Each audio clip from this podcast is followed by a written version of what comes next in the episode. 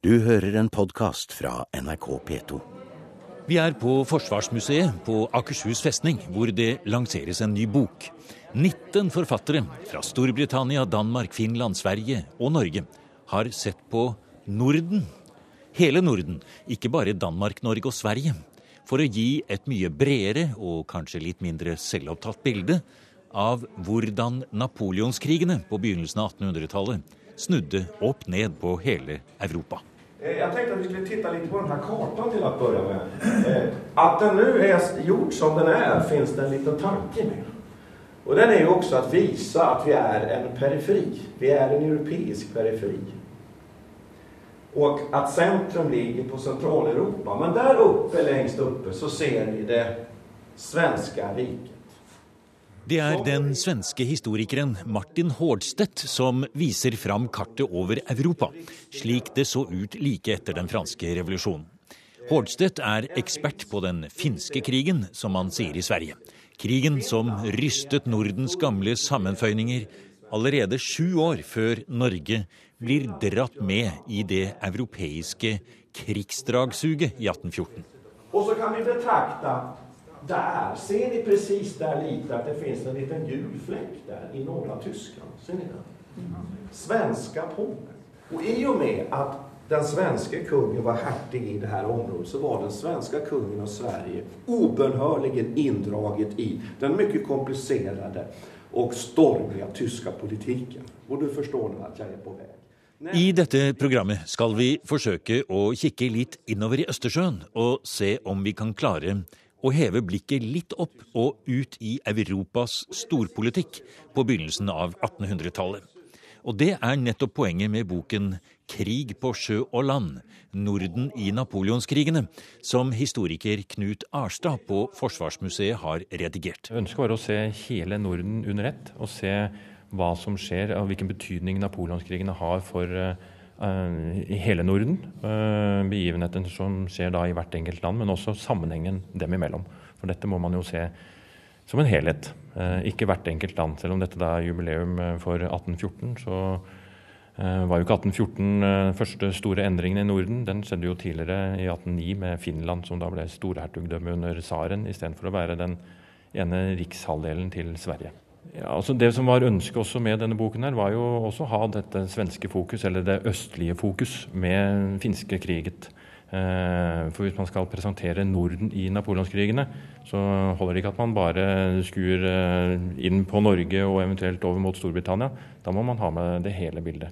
Og Derfor er jo det at finska kriget også kommer med, eh, helt sentralt. Den nye boken fra Forsvarsmuseet har mange spennende innfallsvinkler. Bl.a. et lite portrett av prinsen av Skandinavia, Christian August av Norge, Sverige og Danmark, som jo forsvant så plutselig ut av sagaen. For øvrig kommer forfatteren av den artikkelen, professor Lee Sæther fra Weber State University i Utah, ut med en egen bok om dette i regi av Forsvarsmuseet. Men nå kaster vi oss inn i finlandskrigen, et tema som vel bare de færreste nordmenn har noe særlig grep på. Men det var det første store dramaet i Norden som følge av napoleonskrigene. Etter at England året før hadde brent halve København og tatt med seg hele den dansk-norske flåten, rykket Russland nesten helt inn i Stockholms skjærgård ved at tsaren erobret hele Finland i 1809. Og i Sverige ble det adelsopprør og statskupp og full utskifting av styre og stell. Et resultat av det var at en av Napoleons generaler overraskende ble valgt til svensk kronprins. Han står på sokkel utenfor Slottet i Oslo i dag. Men dette med at den svenske kong Gustav 4. Adolf mistet herredømmet over Finland Vi spør professor Martin Hårdstedt om hvordan forholdet hadde vært mellom Sverige og Finland før 1809. Altså, Sverige og Finland har jo vært forenet ikke i en union utan egentlig var ju Finland, alltså Finland var et veldig odefinierat område på mange sätt. Det var et antall län inom det svenske riket, så det er det første man kan säga. Finland var en fullt integrerad del av Sverige. Men precis som du sier så er ju 1809 det stora året i svensk och finsk historia. Det är slutet på det här gemensamma riket och också för många finländare, det beror lite på hur man tolkar det, början på någonting som sen blir det som vi idag känner som det självständiga Finland. Och som ju formellt blir självständigt 1917. Så att precis som att 1814 är ett sånt här viktigt år för norrmännen så är 1809 motsvarande år för Sverige och Finland. Och sen kan man väl konstatera att en annan sak, att om Norge vetter mot Storbritannien, mot Danmark och kanske också haft en gräns mot, mot Sverige så har ju det här svensk-finska riket varit ett maritimt rike. Alltså ett rike runt Östersjön och faktiskt också även under svenska stormaktstiden. Jag hade de baltiska provinserna. Men den stora problematiken för det här riket har ju varit Ryssland, närheten till Ryssland. Och det känner man ju säkert till. Finland och Finland och andra världskriget. Men det här är någonting som går tillbaka till historien långt. Det finns en lång, lång linje ända tillbaka till 1500-talet. Og så er det vel også slik, Martin, at Sveriges sikkerhet, altså som en strategisk sikring mot denne store, dette store russiske riket, det endrer seg vel også veldig når St. Petersburg kommer på 1700-tallet. Og på den tiden så har vel de svenske herskerne faktisk allerede da blikket litt mot Norge. Altså, Det er jo ikke bare eh, Karl 12., men det er også før. Slik at man føler seg trygg mot øst. Så kommer altså Russland frem med, med det som vi kjenner som St. Petersburg da. Og så har vi Finland som fortsatt er en del av den svenske sikkerhetstenkningen. Men det er alldeles riktig. Altså, man bruker jo si at det viktigste årtalet i, i Finlands og Sveriges historie er jo når Sankt Petersburg grundas i början på 1700-tallet. det er jo innan faktisk det nordiske kriget er avgjort. Va?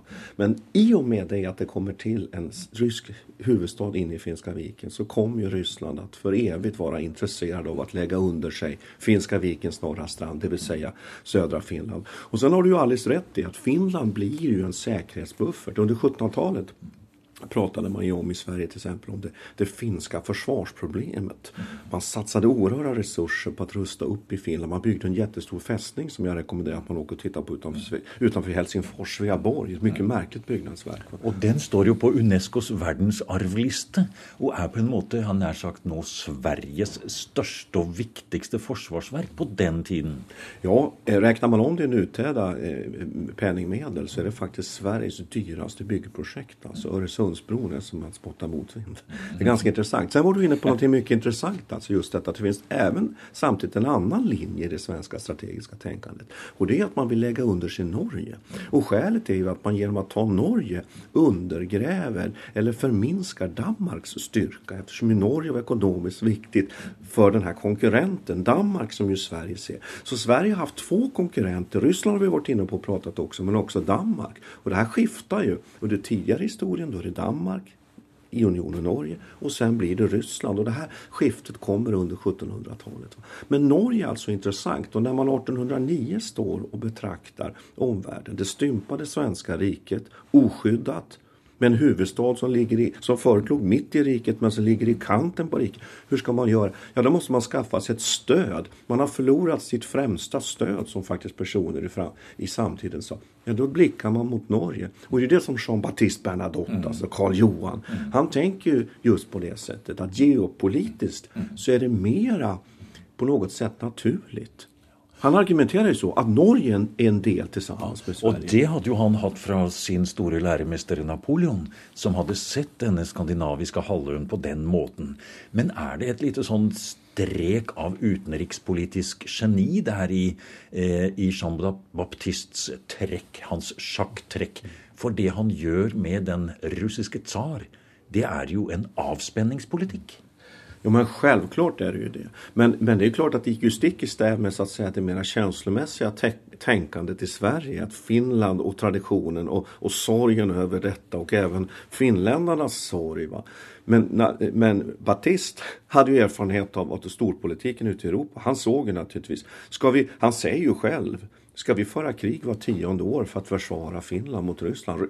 Vi är chanslösa. Låt oss blicka mot Norge. Det är mer naturligt. Dessutom fanns ju stöd för en förening med Norge i det storpolitiska sammanhanget eftersom ju Storbritannien och Ryssland växte ju fram som två motpoler. Va? Och i det här var det ganska bra med, med en buffertzon, Sverige-Norge.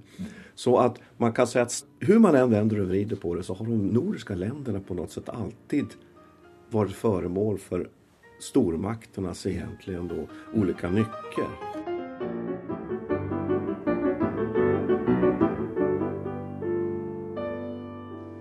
En variasjon over europahymnen hentet fra Beethovens symfoni nummer 9 fra 1824 hamrer løs som et symbol på napoleonskrigene, som endret alle grenser, skapte og la i grus nasjoner og imperier, og som Norges 1814-historie springer direkte ut fra. Det er professor Martin Hårdstedt fra universitetet i Umeå som forteller om hvordan forholdet mellom Finland og Sverige og tsarens Russland endret seg totalt da supermakten Russland ekspanderte langt inn i Østersjøen og innlemmet Finland i tsarens rike i 1809. Ser vi tilbake på napoleonskrigene, er det hele geopolitikk, og egentlig ikke så vanskelig å forstå når vi ser på kartet og tenker på hva som er viktig for sikkerhet og trygge grenser for stormaktene, sier Martin Hårdstedt. Det er nesten litt som i våre dager når vi ser på Russlands ønske om å ha et fotfeste på Krim. Bare tenk på Åland, sier Hårdstedt. Da russerne tok denne øygruppen mellom Sverige og Finland i 1809, ble de russiske befestningene der som en pistol rettet mot Stockholm. Jo, men det er alldeles riktigt. Åland er jo et enormt interessant eh, diskussionsfråga. Der man jo også, ryssarna under, under første delen av 1800-talet bygger jo en, en, en blivende flottbas. Vi är ju nu vana vid nyheterna om Sevastopol och Krim. Alltså. På Åland vid Bomarsund byggs det en, systerfästning i den här ryska expansionen under Nikolaj den första. Den fästningen sprängs förstörs av de allierade under Krimkriget 18, på sommaren 1854 och visar ju, och, och den här ön sen kommer ju att demilitariseras. Så det är precis som du säger att otroligt viktigt de här övärlden. Och det är klart att för er norrmän, ni blickar kanske mer utåt. Precis som vi, vi svenskar blickar åt vårt håll så blickar ni åt ert håll. Men det här, det här tror jag kan vara intressant för en, för en norsk publik just att förstå att det här är den säkerhetspolitiska eh, verkligheten. Och när vi 1800, när Sverige, nu pratar jag vi, men när, när Sverige mister Finland, Åland 1809 så lägger man ju om hela sin försvarspolitik. Man börjar med centralförsvar. Man skal lura russerne inn i landet og besegra dem inne i skogene i Småland. Og bygge Dalslands kanal. Dalslandskanal, Dalslands kanal, Göta kanal. Sen bestämmer man sig för eh, det finns en diskussion till och med. Ska vi ha någon flotta? Vi behöver ingen flotta. Nej, men vi, vi, låter, vi, vi har ändå kvar flottan. Och vi tvingar ju mer eller mindre också norrmännen att lägga resurser på att bygga en flotta. Där finns ju historiker som har studerat det här, varför det är så. Men det var ändå viktigt att ha en flotta. Varför det? Jo, då skulle britterna vara intresserade av att kunna alliera sig med oss i händelse av krig. Så vi behövde en flotta som var liksom ändå på något sätt attraktiv för de här. Så det finns otroligt många intressanta aspekter som, som ju visar visar väl en sak att de här, ska man förstå Norden, både Norge och Sverige och Finlands och Danmarks förhållanden så måste man ha en samlad bild av hela Norden tror jag.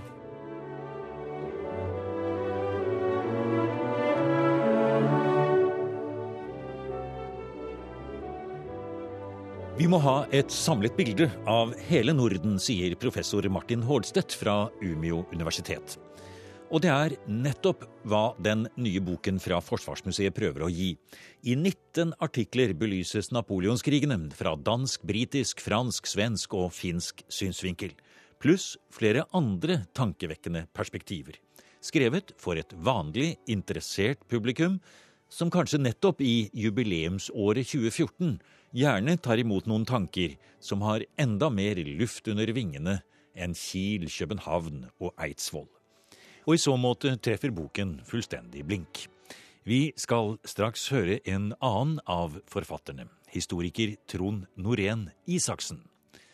Han henter fram Karl Johans adoptivfar fra historiens glemsel, og gir ham litt mer kreditt enn vi er vant til. Og vi må også nevne Lars Roar Langslett, som sammenfatter sin rehabilitering av Christian Fredrik på en glimrende måte. Det er amanuensis Knut Arstad ved Forsvarsmuseet som har ledet arbeidet med boken. I Norge snakker man om flåterandet, og man snakker om hungersnøden i Norge. Men så har man jo denne krigen i Østersjøen, som vel ikke har vært så mye belyst som tidligere. Og Derfor er en av artiklene her nå nettopp valgt for å belyse det temaet krigen mellom Storbritannia og, og Danmark da, i Østersjøen. Som også da er et viktig element i den utviklingen som da går fra 1807 og fram til og med 1814. Mm. Og nå heter jo boken også da, eh, nå heter det altså da undertittelen 'Nær 'Norden i napoleonskrigene', men krig på sjø og land. Eh, det er jo mange i Norge som også vet at napoleonskrigenes sjødel det hadde jo avdelinger helt opp eh, i Nord-Norge. Ja, og her er det også en artikkel som dekker den delen der. Så sjømakten har en sentral del i denne boken, akkurat som krigføringen på land. Og Hovedtittelen er jo 'Norden i napoleonskrigene'. Men krig på sjø og land er selvfølgelig helt, helt bevisst valgt. Uh, for man må trekke med begge, begge teatrene hvor krigen ble ført, ja. Og så heter det Norden og ikke Norge? Helt bevisst Norden og ikke Norge. Og det gjentar jeg også i innledningen her, at dette er altså Norden i napoleonskrigene. Eh, og ikke, ikke navlebeskuende for Norge, selv om eh, vi da jubilerer for 1814. Eh, Her må vi se hele Norden under ett for å forstå sammenhengen mellom de begivenhetene som da finner sted. Eh, Trond Norén Isaksen, du er kjent for å eh, ha fullstendig oversikt over de forskjellige eh, kongenes familieforhold, og hvordan de griper inn i hverandre, også i politisk sammenheng fra denne perioden. Og du har konsentrert ditt arbeid i denne sammenhengen om en konge som vi i Norge bare rister litt på hodet av. Ja, jeg har jo da fått i oppdrag å skrive om Karl 13., den eh, første unionskongen, som jo har kommet totalt i skyggen av Karl Johan, som jo var arkitekten bak den eh, svenske erobringa av Norge. Men som på det tidspunktet jo fortsatt formelt sett bare var Sveriges kronprins, mens hans adoptivfar Karl 13. altså ble da den første mm. svensk-norske unionskongen i 1814. Og for et, eh, om jeg så må bruke uttrykket, rot det var i det svenske kongehuset under napoleonskrigene. Den eh, ene familiegrenen går inn, og den andre går ut. Og én konge blir avsatt midt under krigen og sendt nær sagt ut av landet eh, og, og dør som øverste Gustavsson i et fattig vertshus. I dette store spillet her så trekker du altså fram Carl den 13 som vi i Norge har lært var senil. Ja, Sverige var jo faktisk eh, fra gjennom en ganske lang tid et av Europas mest ustabile monarkier. Det var en hel rekke med skifter av dynastier. Det var en rekke konge- og tronfølgervalg gjennom 1600- og 1700-tallet. Desiree, Karl Johans kone, sa jo sine berømte ord om at det svenske hoffet er så kaldt at det eneste som varmer, er pistolskuddene mot kongene. Og det sier også litt om de omhvelvningene som hadde fantes. Og Karl 13. han er altså den siste av sitt dynasti, Holstein Gottorp. Eh, han blir konge etter at nevøen, Gustav 4. Adolf, har blitt avsatt i 1809. Og fordi han ikke selv har noen barn, så må man altså da velge eh, en tronfølger. Man velger Christian August, eh, som er da øverstkommanderende i Norge, som kommer til Sverige, og som da dør like etterpå. Og så har man da dette nærmest mirakuløse som skjer, at en gruppe offiserer kaster fram den franske marskalk Jean-Baptiste Bernadotte til tronfølger, og riksdagen faktisk velger ham til kronprins Karl Johan. Uh, og han snur jo da om på den europeiske politikken, eller i hvert fall den nordiske politikken, ved at han allierer seg med Russland for å erobre Norge. Og Midt oppi dette så er da det formelle overhodet Karl 13., som har hatt et slag rett etter at han blir konge. Han har flere slag etterpå. Han blir dement, uh, men formelt sett så er det hele tiden han som, som styrer riket, og som leder statsråd. Men, men, hvordan foregår dette i praksis eh, da, Isaksen, når vi tenker denne franske marskalken som blir valgt i 1810? som kommer inn i bildet, og som må få alt godkjent egentlig da av sin senile adoptivfar. Hvordan kan disse snakke sammen? Eh, det fungerer jo i eh, praksis slik at det er Karl Johan som treffer avgjørelsene, men at han gir eh, utad inntrykk av at det er Karl 13. som styrer riket.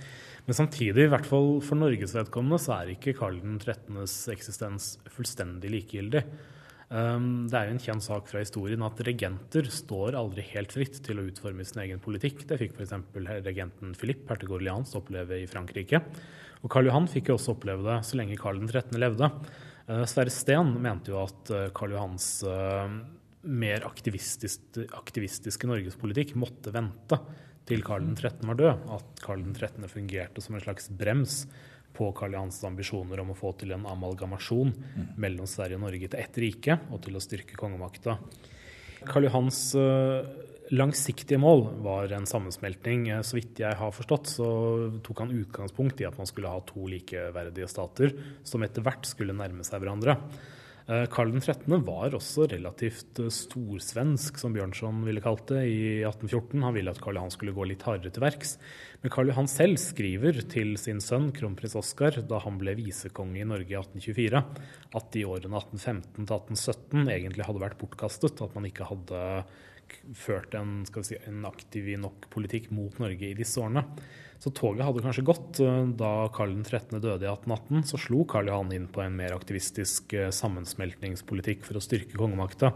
Men da hadde den norske styreformen eh, begynt å finne sin form. Stortinget hadde etter litt fomling i begynnelsen funnet ut hva det egentlig var de drev med, hva som var deres myndighet. Og dermed så hadde vel kanskje faktisk toget allerede gått i 1818 for Karl Johans planer. Mm. Så da kan vi si at Karl 13.s rolle den er på en måte passiv, men aktiv likevel. Ja, og det er vel egentlig det som var Karl 13.s rolle i flere sammenhenger, i svensk historie også.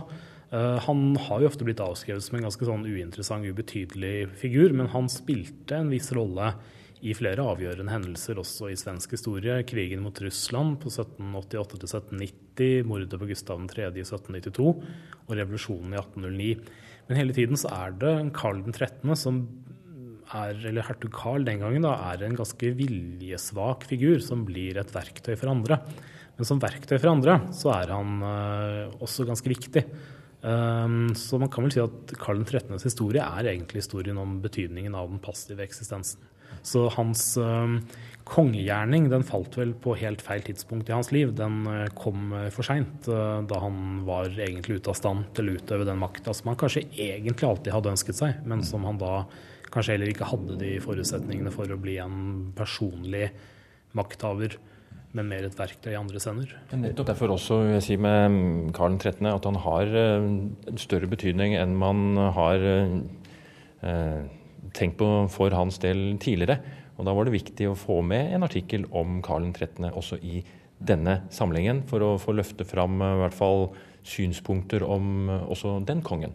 Uh, og den artikkelen til Trond her er også et veldig godt eksempel på det aktørperspektivet som også er med i denne artikkelsamlingen. Så det er flere av de sentrale aktører, som eh, Napoleon Bonaparte, Jean-Baptiste Bernadotte, Christian August og da Karl 13. og Christian Fredrik, som, egen, som er tema for en egen artikkel, i tillegg til de som ser mer overordnet på den militære utviklingen. Og det er vel liten tvil om at det var soldaten fra Frankrike som ble konge både i Frankrike og Norge, som er den aktøren som først og fremst forbindes med den norske delen av napoleonskrigene og dramaet i 1814. Da Jean-Baptiste Bernadotte kom til Stockholm, var det stor skepsis i den svenske adelen, sier historiker Trond Norén Isaksen. Riktignok var hans adoptivfar, kong Karl 13., helt dement. Mens dronningen Karl Johans adoptivmor var en dame som fulgte godt med, sier Isaksen. Ja, Hedvig Elisabeth Charlotta hun var jo i begynnelsen uh, ganske betatt av sin adoptivsønn, som jo da faktisk bare var fire år yngre enn henne. Uh, men etter hvert så kommer det en uh, Karl Johan var alltid veldig mistenksom, og det ligger vel også litt i hans natur som en oppkomling som aldri var helt trygg på sin status. Og når man kommer fram der, jeg tror det er i 1817, så begynner han å mistenke sin adoptivmor for at hun er involvert i eh, noen konspirasjoner mot hans stilling som fører til et, eh, til et brudd, mer eller mindre, mellom dem. Eh, og så dør hun jo eh, ganske brått eh, i juni 1818, eh, bare 59 år, mm. like etter sin ektemann. Og da oppstår det jo masse ville rykter om at Karl Johan skal ha forgiftet henne, men dette er jo bare sånn middelalderoverlevninger, kan man si.